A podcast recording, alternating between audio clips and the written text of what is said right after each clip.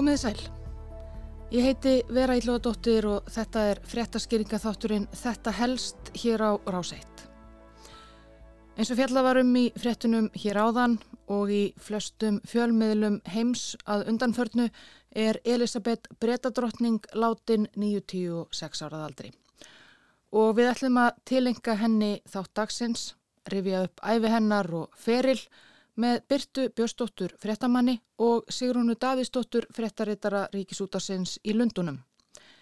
En við skulum byrja á því að hlýða á frettaþul breska Ríkisjónarsins segja brettum andlátsfregn aldarinnar síðdeis í gær. A few moments ago, Buckingham Palace announced the death of Her Majesty Queen Elizabeth II. The palace has just issued uh, this statement. It says the Queen died peacefully at Balmoral this afternoon. The King and the Queen Consort will remain at Balmoral this evening and will return to London tomorrow. Within the past few minutes, Buckingham Palace has announced the death of Her Majesty Queen Elizabeth II. Elisabeth Alexandra Mary Windsor fættist í Mayfair í Lundunum 21. april árið 1926. Elisabeth var elsta barn fóreldar sinna, Alberts hertuga, síðar Georg VII og Elisabethar konu hans sem eignuðist auk Elisabethar, dótturina Margréti. Elisabeth var tíu ára þegar að fadur hennar varð konungur yfir Breitlandi eftir að eldri bróðir hans afsalaði sig konungstegninni. Elisabeth gekk að eiga Philippus prins árið 1947. Hann lést í fyrra skömmu fyrir aldramæli sitt. Þau Filipus voru stödd í Kenya í embættis erindum árið 1952 þegar fregnir bárust af andláti föður Elisabetar. Þá lág fyrir að Elisabeth er því næsta drottning breska samveldisins. Called to be queen, sovereign head of a great commonwealth of nations at the early age of 25. Þegar Elisabeth tók formlega við krúnunni árið 1953 var Ásker Áskersson fósiti á Íslandi og Winston Churchill var fósitisráður af Breitlands when the Archbishop gently sets this splendid emblem on the Queen's head. Churchill var fyrsti fósittisráðurann í valdatíð Elisabetar en ekki sá síðasti. Þau eru 15 sem hafa gengt fósittisráðara ennbættinu í valdatíð Elisabetar. Elisabeth var þjóðhöfðingi Breitlands í sjö áratugi á róstursumum tímum. The Troubles og önnur átöku á Norður Írlandi, sjálfstæðisbaráta að skota, aflétning nýlendustefnu breyta í Afríku, kórnuveru faraldur og síðast en ekki síst útganga breyta úr Evrópusambandinu. Það hefur heldur ekki verið neinn lokkmótla í kringum fjölskyldu Elisabetar í valdatið hennar. Þau Filipus eignuðust fjögur börn, Karl, Önnu, Andrés og Játvarð. Hjónabönd og skilnaðir barna hennar hafa verið tíundar á síðum bladana og konungsfjölskyldan var gaggrínt fyrir samskiptin við Díunu prinsessu fyrir eiginkonu Karls. Andlátt Díun árið 1997 var mikið áfall fyrir Elisabetu. Þá hafa samskiptin við barnabarnið Harry og eiginkonu hans Meghan Markle leitni verið tíunduð í kastljósi fjölmila. Andrés, sonur Elisabetar, hefur svo verið sviftur öllum starfskildum sínum á síðustu árum eftir ásaganir um kynferðisofbeldi og vináttu við bandaríska barnanýðingin Jeffrey Epstein. Þrátt verið allt hefur Elisabeth alla tíð nótið mikillar virðingar og vinsælda, bæðið meðal breyta en einnig utan landsteinana.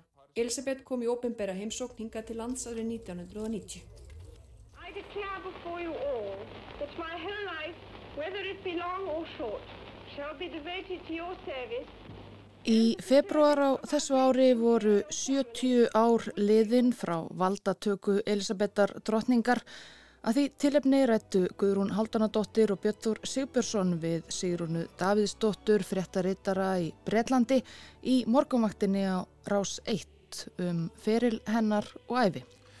Já, uh, hún hefur verið drottning í 70 ár, uh, það var auðvitað ljóst að hún yrði drottning en það var nú ekki búist við því að hún yrði það aðeins 25 ára, rifjaði aðeins upp aðdragandan að þessu.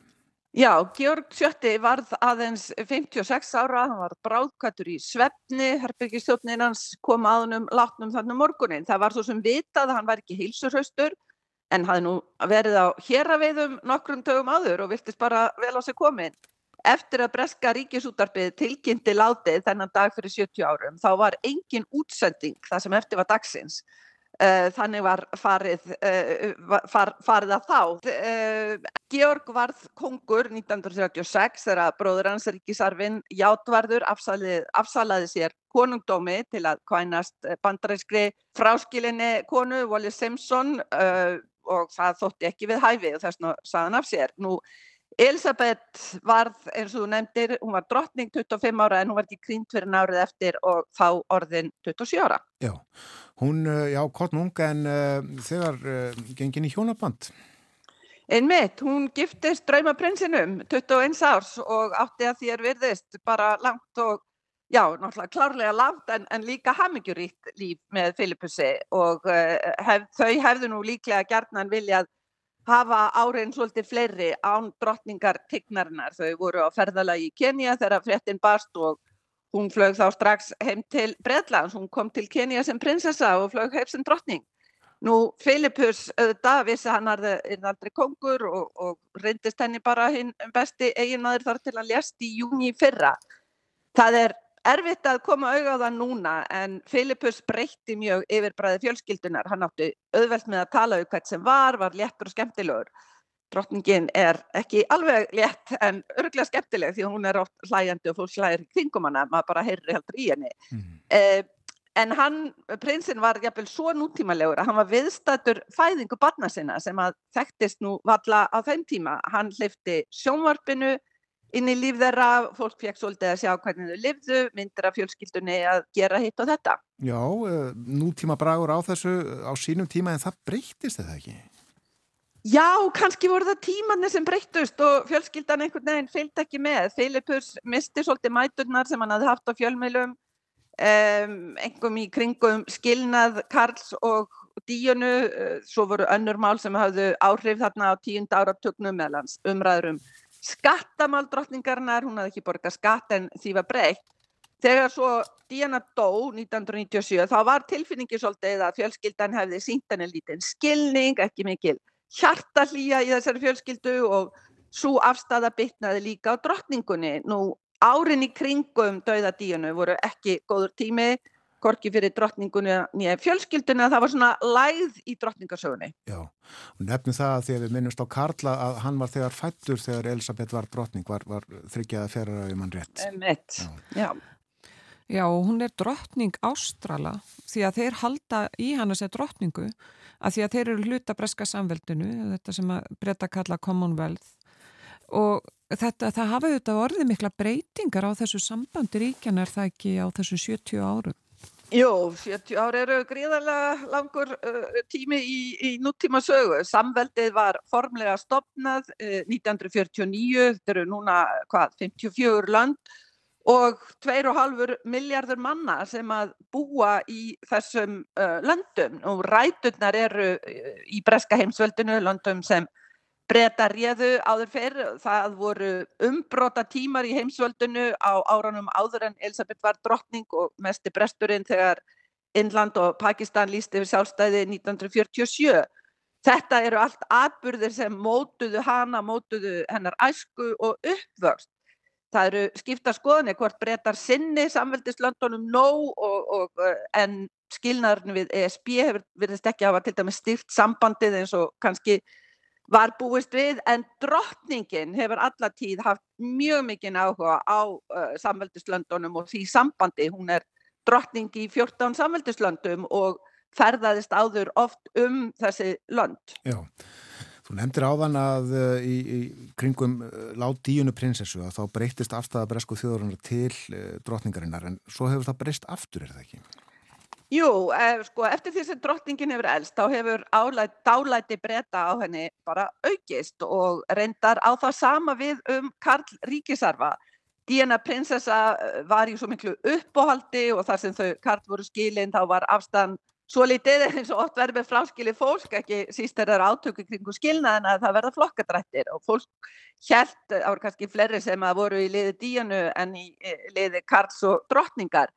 En já, já, þetta, þessi afstæði hefur mildast með árunum. Nú, Karl þótti líka svolítið skrítinn, hann hafði sterkar meiningar um nútíma byggingalist og ekki síst mikinn á umhverfsmálum, en í umhverfsmálum hefur auðvitað heimurinn orðið samferðunum á setni árum. Kamila, konans, fekk líka óvinnsamlega útreið en, en það hefur líka breyst og hún er virt fyrir að sinna eins og áhuga málum sínum, hún er uh, dögulega að fylgja Karli og já, nú vil drottningin að Kamila fái drottningatitil þegar Karl verður kongur. Og... En áhverju er þetta svona merkilegt? Jú, það er að því að þegar að þau Karl og Camilla uh, giftust 2005 þá upplýstu þau að þegar það er að kæmi myndi þau ekki sækjast eftir drottningartilli og það var ánefa til þess að svona friða óanæju og gaggrinisrættir í þessum flokkadráttum.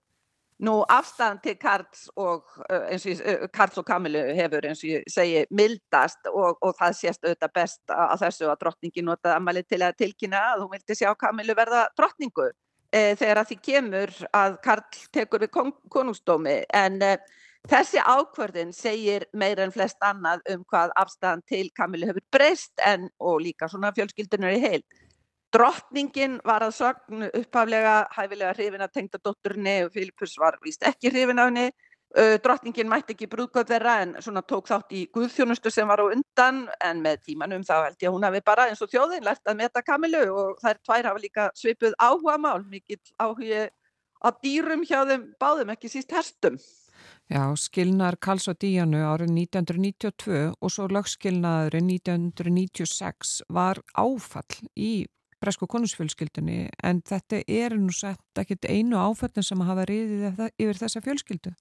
Nei, Karl er elstur og svo komaðu Anna, Andrés og Játvarður. Börnin fjögur hafa svolítið skipst á að koma fjölskyldunni í klandur og þá í fjölmiðla. Anna átti mjög skrautlegt líf hér á árum áður, var gift eh, mannið að nafni Mark Phillips í um áratug, þau egnuðist tvö börn og svo skildu þau og þá var hún Elsnögg að gifta sig aftur, giftist manni að nafni Timothy Lawrence sem að ennbætsmaður og herrmaður og bara það heyrist aldrei neitt um þau, ég þurfti að fletta því upp hvort þau væri kjörgla bæð og lífi. Uh, Játvarður átti sína spretti líka en, en svona allt rólegt í þeirri fjölskyldu lengi en uh, svarti söðurinn hefur svolítið verið uh, Andrés sífælt uppspretta uppfjöllunar, giftur, manni, giftur konu að nafni Sara Ferguson, þau skildu og, og núna er það svo samband hans við barnanýðingin Jeffrey Epstein og, og lagskona hans Ghislaine Maxwell sem heldur honum í frettunum. Sara Ferguson, já, já. alveg rétt, það var svolítið fjallað um hann á sínum tíma. Já, það var nú ekkit smaraði. Þetta var um fjölskylduna, en uh, hvað fælst í því að vera breytadrótning? Hvernig er aðkoma hennar til dæmis að stjórnmálum í Breitlandi?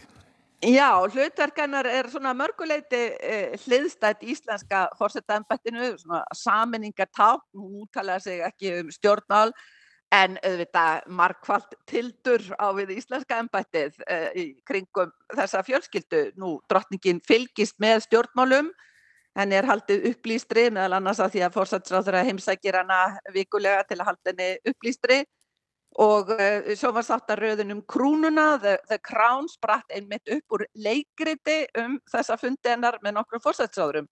Nú drottningin er verndar í kirkjunar og, og svo þessara 600 samtaka sem ég nefndi. En hvað með bresku þjóðuna? Hefur hún mikinn áhuga á Elisabetu og fjölskyldunni? Það skiptir svolítið tvö horn. Það eru þeir sem að lifa sínu lífi algjörlega. Þannig að þetta nokkuð að þessu fólki og sumir auðvitað vildu helst sjá Breitland sem líðveldi með forsetta en ekki sem konungstæmi.